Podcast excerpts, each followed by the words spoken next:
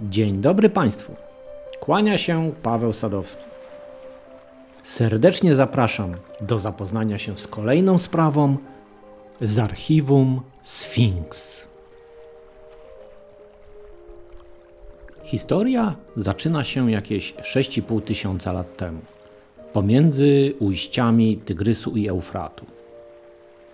Wtedy to właśnie na lekkim wzniesieniu nad samym brzegiem morza tam, gdzie niesiona wiatrem wilgoć pozwalała przetrwać jeszcze resztkom trawy, pewien pasterz, którego imienia kroniki nie przechowały, bardzo był zajęty doglądaniem swego stada kus.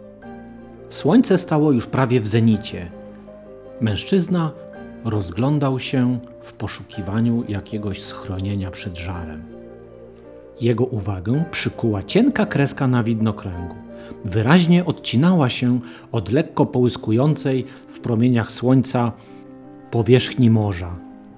Początkowo myślał, że to tylko złudzenie wywołane falowaniem gorącego powietrza. Ale nie minęło wiele czasu i mógł już rozróżnić sylwetki poszczególnych łodzi. Nie było wątpliwości. Do brzegu zbliżała się olbrzymia flota okrętów a że od morza w tamtych czasach nic dobrego nie przychodziło, więc pasterz, nie czekając na rozwój wydarzeń, poganiając przed sobą kozy, salwował się ucieczką w głąb lądu. I do końca życia ani on, ani żadna z jego kus nie byli świadomi tego, że przegapili jeden z najważniejszych momentów w historii ludzkości przybycie nad Zatokę Perską Sumerów. Gdy tylko statki przybiły do brzegu, przybysze ruszyli na poszukiwanie najdogodniejszego miejsca do tego, żeby założyć tam swój nowy dom. Co nimi powodowało, że wybrali akurat to miejsce, po dziś dzień nie mamy pojęcia. Były to tereny podmokłe, raczej mało przyjazne dla rolnictwa. No, ale i tak lepsze niż wypalona słońcem pustynia, ledwie rzut kamieniem od brzegów rzek. Co by ich w tej okolicy nie urzekło, właśnie tutaj założyli swoją pierwszą stolicę Eridu. Ten moment zawsze przywodzi mi na myśl rozstawianie lunaparku. Gdzieś do małej miejscowości na Podlasiu Przyjeżdżają kolorowe wozy i w ciągu jednego wieczora rozstawiają stragany, stoiska, strzelnice, karuzele, wszystko to, co gawieć lubi najbardziej. Dokładnie tak samo jest w przypadku Sumeru. Pojawia się tajemniczy lud i w bardzo krótkim okresie czasu rozpakowuje zaawansowaną cywilizację z dojrzałym społeczeństwem, z systemem prawnym, z pismem, urbanizacją, doskonałym rolnictwem, naukami ścisłymi, medycyną i literaturą, produkcją na masową skalę i wyspecjalizowanym szkutnictwem. Budowali doskonałe statki o różnym tonażu i przeznaczeniu. Po dziś dzień trwają dyskusje, skąd mogli przybyć. Jedni twierdzą, że może z okolic Tybetu, doszukując się podobieństw pomiędzy językiem sumeryjskim a językami ludów zamieszkujących w tamtej okolicy. I że to musiały być jakieś góry, gdyż Sumerowie z tęsknoty za ojczyzną i sentymentu do górskiego krajobrazu zwykli byli budować swoje miasta na pagórkach. No ale równie dobrze można by twierdzić, że jeżeli ktoś buduje dom na równinie, no to na pewno pochodzi z Mazowsza. Tak naprawdę nie wiadomo skąd przybyli. Nie zmienia to jednak faktu, że kultura przez nich zbudowana trwała przez blisko 3,5 tysiąca lat.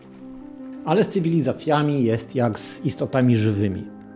Rodzą się, rozkwitają, a z czasem starzeją się, psują, rozrzedzają, aż umierają. I taki sam los spotkał cywilizację Sumerów. Słuch o niej zaginął, a piaski pustyni zasypały to, co po niej zostało. Przez blisko 3,5 tysiąca lat nie mieliśmy bladego pojęcia, że Sumer w ogóle istniał. Mezopotamia, rzecz jasna, była eksplorowana. No przecież to tutaj poszukiwano i korzeni biblijnych przypowieści, i Niniwy, no i Dariuszowego Persepolis, gdzie to sam Aleksander Wielki był uprzejmy podczas pijackiej orgii spalić pałac królewski. Nic więc dziwnego, że zjeżdżali się tam i bogaci poszukiwacze przygód, i okultyści, i rabusie, i wszelkiej maści oszuści, złodzieje, sprzedający zabytki na czarnych rynkach całego świata. Wszyscy rozkopywali Mezopotamię wzdłuż i wszerz. Odnajdowano całe miasta, a w nich pałace, cudowne zabytki, które skrzętnie wywożono potem do Anglii, Francji, Niemiec, ale pomiędzy tym wszystkim odkopywano też tysiące, setki tysięcy glinianych tabliczek. O tym nie donosiła europejska prasa tak chętnie jak o Bremie Isztar czy innych wspaniałościach, ale na szczęście to była już druga połowa XIX wieku. I trafiały one nie na śmietnik, ale na biurka naukowców. I to właśnie oni Ci przygarbieni panowie w drucianych okularach, z oczami czerwonymi od dymu tytoniowego i ślęczenia nad milionami linijek zapisanych pismem klinowym. To oni właśnie, a nie awanturnicy z bogatych rodzin, przywrócili Sumer współczesnemu światu. To lingwiści zauważyli podczas tłumaczenia, że część z tych tabliczek spisana jest w innym, niesemickim języku, którego forma zapisu ma zupełnie inny charakter, ma on swoją własną gramatykę i ewidentnie jest pochodzenia indoeuropejskiego. Stąd już bardzo blisko było do wyciągnięcia wniosku, że skoro mamy do czynienia z innym językiem, to musiał być też inny naród, który tym językiem władał. I w ten właśnie sposób Doszło do tego, że 17 stycznia 1869 roku wybitny francuski lingwista Jules Opé ogłasza na posiedzeniu francuskiego Towarzystwa Numizmatyki i Archeologii, że wiele z odkopanych w Mezopotamii glinianych tabliczek zapisanych jest w języku sumeryjskim. Potrzebnych było jeszcze 20 lat zaciekłych sporów aby sumerologia została wreszcie uznana za oficjalną dziedzinę nauki. Od tej pory wydzierane piaską zabytki były już poprawnie identyfikowane jako dzieło Sumerów. Wykopywano też kolejne tabliczki, kolejne setki, tysiące, setki tysięcy tabliczek i z zapałem tłumaczono to, co jest na nich napisane. A były tam przeważnie mało interesujące rzeczy. Okazało się, że Sumerowie z wielkim upodobaniem zapisywali wszystko. Począwszy od e, listy zakupów, przez stany magazynowe, przez umowy handlowe, listy przewozowe, całe ich państwo było potwornie zbiurokratyzowane ale sporą część zapisków stanowiła też literatura piękna. Monumentalne eposy o wszechpotężnych bogach, wspaniałych herosach, o walce dobra ze złem, najstarsze na świecie mity o stworzeniu świata i o potopie. Echa tych wszystkich historii po dziś dzień znajdujemy w kulturach mezopotamskich, egipskiej, perskiej, Znakomita większość Starego Testamentu to przecież jedynie kalka tego, co wiele tysięcy lat wcześniej opisali Sumerowie. I pośród tego wszystkiego znajdujemy jedno dzieło, które zasługuje na wyjątkową uwagę. Sumeryjska lista królów. Zważywszy na to, z jaką sumiennością prowadzili swoje notatki, nie dziwi to, że postanowili też spisać listę swoich królów, którzy rządzili nimi od zarania dziejów. Dziwi coś zupełnie innego. I tutaj pozwolę sobie zacytować. Po tym, jak królestwo zostało dane z nieba, królestwo było w Eridu. W Eridu Alulim był królem. Panował przez 28 800 lat. Alalgar panował przez 36 tysięcy lat. Dwóch królów panowało przez 64 800 lat. Następnie Eridu zostało porażone orężem i królestwo zostało przeniesione do Bat Tibiry. Koniec cytatu. Słyszeliście to Państwo? Jeden 28 800 lat, drugi 36 tysięcy. No co za bzdura! No to przecież jest nieprawdopodobne. No ludzie tak długo nie żyją. No przecież biologicznie jesteśmy ssakami. Ssaki nie żyją tak długo. Nic tak długo nie żyje. Nawet afrykańskie baobaby. Jak zatem wyjaśnić tą oszałamiającą długowieczność? Aby tego dokonać, musimy zapoznać się z resztą listy. Nie będę całej jej cytował, bo to szkoda na to czasu, ale omówię zasadę. Im bardziej cofamy się w czasie, im lista mówi o starszych królach, tym okresy ich panowania są dłuższe. Im bardziej zbliżamy się do czasów współczesnych, dla Sumerów, nie dla nas oczywiście, tym okresy panowania stają się bardziej racjonalne. Nie trwają już dziesiątek tysięcy lat, ale najpierw setki, a potem zbliżają się do zupełnie normalnych dla ludzi. Stąd badacze wysnuli następujące wnioski. Historycy spisujący listę mieli bardzo fragmentaryczną wiedzę na temat najodleglejszych czasów. I te okresy, o których nic nie wiedzieli, przypisywali jednemu władcy.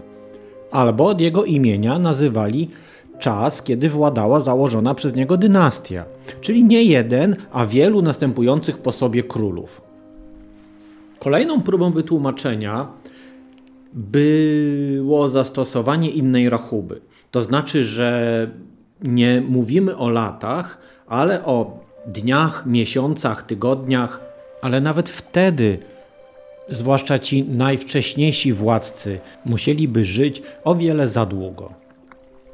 Tak naprawdę żadna z teorii nie tłumaczy w zadowalający sposób tych horrendalnie długich okresów panowania starożytnych sumeryjskich władców. Nie biorą one też pod uwagę jednego ważnego elementu listy. Otóż, gdy zasiadający w Szurupaku król Ubara Tutu kończy swoje panowanie, następuje bardzo ważne wydarzenie. Cytuję: A potem potop zmiótł wszystko. Koniec cytatu.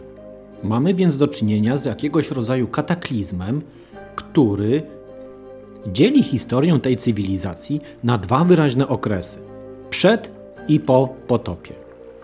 Jest to punkt zwrotny, po którym to, cytuję, po tym jak potop zmiótł wszystko, królestwo ponownie zostało dane z nieba i królestwo było w kiszu. Czyli następuje swoisty restart. Wszystko zaczyna się od początku. I od tego momentu okresy panowania poszczególnych władców zaczynają się skracać. Możemy zatem przyjąć za oficjalnymi teoriami, że jest to wynik tego, że starożytni historycy mieli dostęp do coraz dokładniejszych danych na temat zamierzchłych czasów. Albo zastanowić się, czy jest może jakieś inne wytłumaczenie. Bo przecież poza poczuciem, że coś jest nie tak, że to nie przystaje do tego, do czego jesteśmy przyzwyczajeni, to nie ma żadnego powodu, żeby nie wierzyć skądinąd no, niezwykle skrupulatnym w swoich zapiskach e, sumeryjskim skrybom. Zastanówmy się zatem, odrzuciwszy szablony, które narzuca nam nasz własny umysł. Tak, jakbyśmy chcieli tą historię przeczytać litera po literze, a nie tylko oglądać wyrazy i domyślać się ich znaczenia. Czy to w ogóle jest możliwe, żeby przedpotopowi władcy mogli żyć aż tak długo? Gdybyśmy chcieli spotkać pierwszego z listy króla, musielibyśmy cofnąć się w czasie o blisko 300 tysięcy lat. Według oficjalnej historii Wtedy ludzie, odziani w cuchnące, niewyprawione skóry, kulili się w kącie ciemnej, wilgotnej jaskini, drżąc ze strachu przed otaczającym ich światem. A tymczasem Sumerowie widzą tam dumnych władców przechadzających się szerokimi alejami wielkich, gwarnych miast. I po raz kolejny musimy zadać to samo pytanie: czy to w ogóle jest możliwe?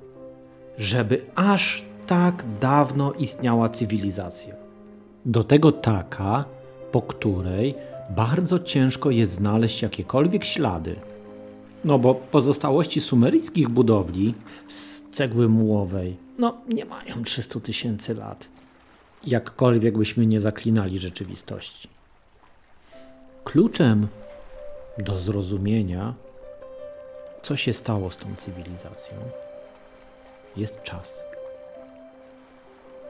Czas, który, tak jak ocean, jest niezliczoną ilością kropli, z których każda ma moc niszczenia najtwardszych skał i usypywania z nich wydm. Na plażach po drugiej stronie świata on jest niezliczoną ilością chwil, które umykają niezauważeni. A każda z nich zabiera ze sobą odrobinę wszechświata i przenosi ją gdzie indziej. Dzięki temu wszystko się zmienia, wszystko żyje, planety powstają, na tych planetach rosną góry, które potem zamieniają się w pył. Życie powstaje, rozkwita i umiera, a potem odradza się gdzie indziej, w innej formie. Różne rzeczy na umykanie czasu są w różnym stopniu podatne. Jedną z tych podatnych najbardziej jest pamięć. Pamięć, która z upływem czasu najpierw deformuje się, często potwornieje, a w końcu zanika. Rozwiewa ją podmuch umykających chwil. Na przeciwnym biegunie stoją z kolei kamienie. One są na oddziaływanie czasu odporne najbardziej. Gdy wszystko inne rozpada się w proch, one trwają, chociaż porzucone i zapomniane czekają cierpliwie. I gdyby wysilić odrobinę zmysły, jesteśmy w stanie usłyszeć, co one chcą nam powiedzieć te największe, przez nieznaną siłę dźwignięte w powietrze i ułożone jeden na drugim, opowiadają o czasach, gdy ludzie posiadali technologię, która umożliwiała im przenoszenie bloków tak masywnych, z którymi my dzisiaj ledwo byśmy byli w stanie sobie poradzić. Inne, misternie obrabiane przez nieznanych rzemieślników, wykorzystywane były do budowy murów o wyglądzie tak osobliwym i tak niepasujących do naszego wyobrażenia o murach, że ich budowniczych gotowi jesteśmy uznać za szalonych. Elementy, z których są zbudowane, nie są foremnymi równoległobokami. Ich krawędzie rzadko trzymają pion i poziom. Ścianek często jest więcej, a na powierzchni często mają coś w rodzaju guzów. Są różnego rozmiaru i wagi. Pomimo tego, układane bez zaprawy, pasują do siebie idealnie i wykazują się niespotykaną odpornością na wszelkiego rodzaju zjawiska sejsmiczne. Często się zdarza, że nadbudowywane na nich przez kolejne fale osadników, budowle rozsypują się w gruz w wyniku trzęsienia ziemi, a te pradawne konstrukcje, budowane zdawałoby się w szalony, chaotyczny sposób, trwają nienaruszone, nie wykazują najmniejszych śladów zniszczenia. Konstrukcje takie, zarówno zbudowane z nienormalnie olbrzymich elementów, jak i te budowane w sposób zdawałoby się nielogiczny, możemy spotkać na całym świecie, na każdym kontynencie, począwszy od dżungli obu Ameryk, przez Afrykę, Azję. W Europie jest ich mnóstwo. I wszędzie ludzie mieszkający w ich okolicy zgodnie twierdzą, że nie są ich autorami, że gdy przybyli w to miejsce, one już tam stały. Dlatego, biorąc pod uwagę ich powszechność, a także to, że ich budową rządziła inna, zupełnie nam obca logika, której nie rozumiemy, i nawet gdybyśmy dysponowali technologią umożliwiającą nam dokonanie podobnego dzieła, to nie wybudowalibyśmy ich w taki sposób. Zatem nie będzie błędem logicznym przyjęcie, że autorami tych konstrukcji są przedstawiciele zaawansowanej technologicznie cywilizacji, która w wyniku jakiegoś kataklizmu upadła i o której informacje zachowały się w tradycjach Sumerów. Możliwe, że byli oni albo bezpośrednimi spadkobiercami tej cywilizacji, albo też gdzieś na drodze swojego rozwoju spotkali się z opowieściami o niej i zasymilowali je, włączając jako najstarszą część do własnej historii. I to jej władcy opisani są w przedpotopowej części sumeryjskiej listy królów. Dodatkową przesłanką przemawiającą za tym, że Sumerowie swymi korzeniami sięgają jakiejś wysoko rozwiniętej cywilizacji, jest to, że ich kultura nie nosi znamion ewolucji. Tak jakby budując swoje państwo w deltach Tygrysu i Eufratu, nie musieli robić tego metodą prób i błędów, jak to się zazwyczaj odbywa, ale mieli na to gotową receptę, swoisty przepis, jak zbudować społeczeństwo od nowa. I to właśnie dzięki temu możemy uchylić nieco zasłonę zapomnienia i przez sumeryjską soczewkę zajrzeć do krainy przedpotopowych królów. Przyjrzymy się początkowej fazie istnienia ich państwa, kiedy jeszcze przekaz był w miarę świeży i niezanieczyszczony wpływami ludów semickich, które z czasem w dużej bardzo liczbie zaczęły napływać w te rejony, aż w końcu przejęły zupełnie władzę. W tych czasach życie w starożytnym Sumerze całkowicie podporządkowane było świątyni. Nie dlatego, że zachłanna na dobra i władzę kasta kapłanów przejęła kontrolę, jak to powielokroć się działo w czasach późniejszych, tylko dlatego, że pojęcia życia duchowego i świeckiego po prostu nie było. Cały świat, w tym i ludzie, zostali stworzeni przez bogów i do bogów należeli. I nie mówimy o żadnym partnerskim układzie, ale o stosunku, jaki my mamy do przedmiotów, które posiadamy. I w każdym z miast znajdowała się świątynia, w której mieszkał Bóg, i to w sensie dosłownym, nie w takim iluzorycznym, jak my teraz to postrzegamy. I do niego należała ziemia, do niego należały wszystkie zwierzęta, do niego należały nawet narzędzia do uprawy roli, które były po prostu wydawane na czas pracy, podobnie jak zwierzęta pociągowe, wozy, pługi, wszystko co było niezbędne do pracy.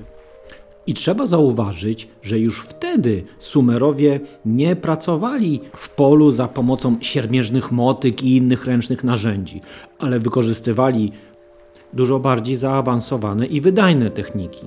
Podobnie wszystkie dobra, jakie udało się wypracować, także były jego własnością. Wszystko, każde ziarenko uprawianego powszechnie jęczmienia i pszenicy trafiało do świątynnych spichlerzy.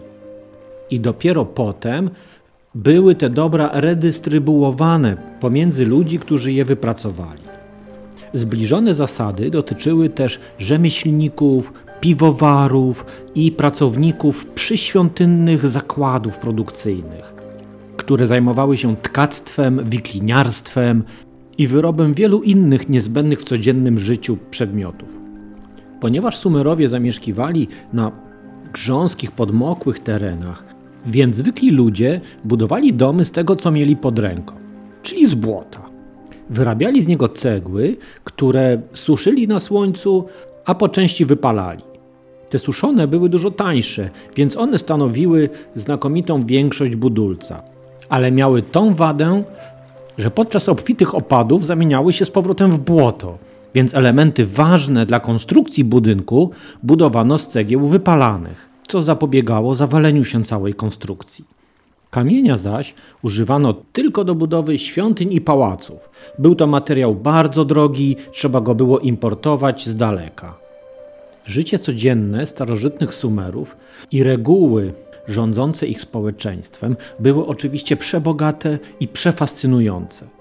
Ale nie starczyłoby dnia, żeby dokładnie o nich opowiedzieć. Chodziło mi tylko o zasygnalizowanie ogólnych zasad i zwrócenie uwagi na relacje pomiędzy ludźmi a domami bogów, których życie z kolei stanowiło kanwę niezwykle rozbudowanych opowieści, które my traktujemy w kategorii mitu.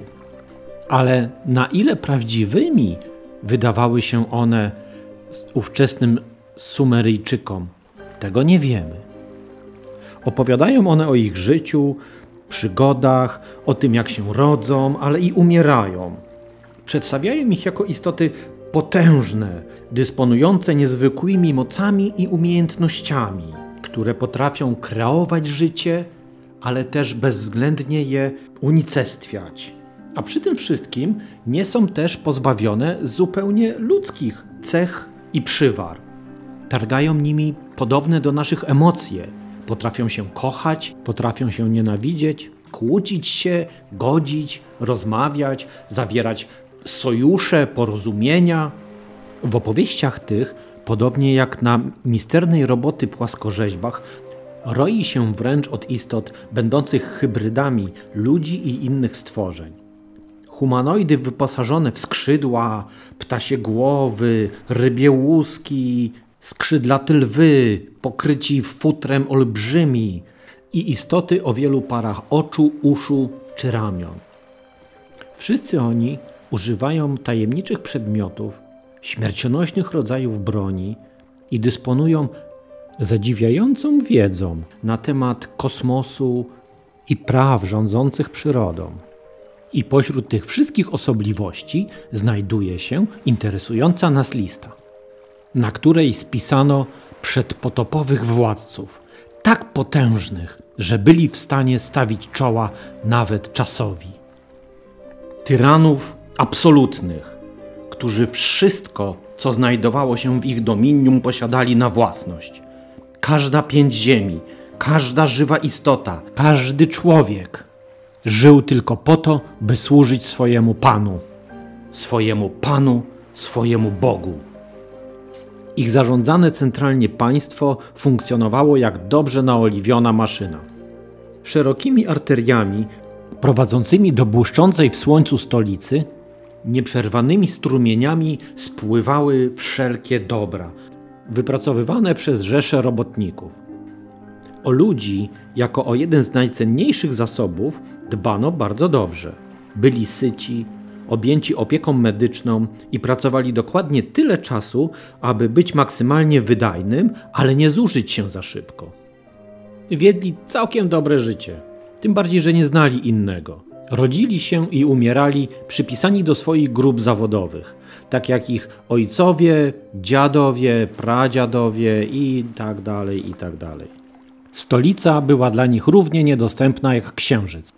Mniej więcej tak, jak to ma i teraz miejsce w Zatoce Perskiej, gdzie poza granicami bogatych, futurystycznych miast ze szkła i aluminium żyją Beduini, dla których czas zatrzymał się gdzieś w XIX wieku. W samym centrum tego cudownego miasta na wzgórzu znajdował się pałac, w którym mieszkał sam Bóg Tyran, który panował od tak dawna, że moment jego wstąpienia na tron już dawno zatarł się w ludzkiej pamięci. I nikt nie myślał o nim inaczej niż wieczny. Ale za grubymi murami nie kryła się żadna nadprzyrodzona istota, tylko zwykły człowiek, który pomimo tego, że dysponował absolutną władzą i nieograniczonymi środkami, to nocami truchlał ze strachu przed śmiercią. Już jego poprzednicy zaczęli budowę przypałacowych laboratoriów, gdzie nieprzeliczone zastępy biegłych w nauce prowadziły badania nad genetyką i biotechnologią. Po setkach lat badań byli w stanie modyfikować kod genetyczny władców, dzięki czemu ich ciała starzały się dużo wolniej. Reszty dokonywały przeszczepy organów i codzienne iniekcje z komórek macierzystych pozyskiwanych z ludzkich embrionów.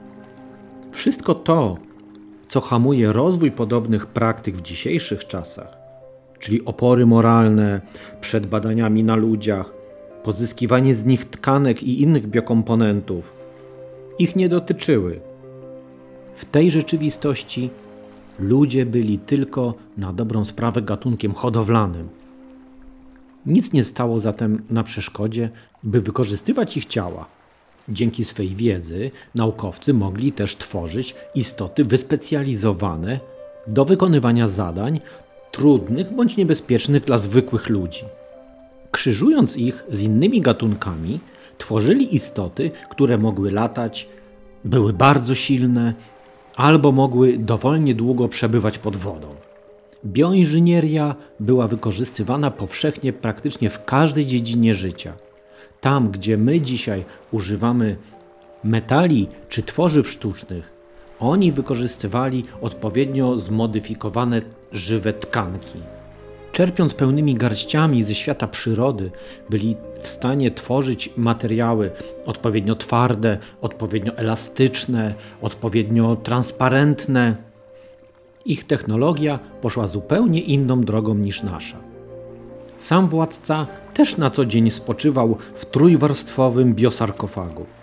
Był to rodzaj zmodyfikowanego autonomicznego łożyska, które zapewniało wyschniętemu, pokrytemu cienką jak pergamin skórą ciału optymalne warunki do wiecznego życia.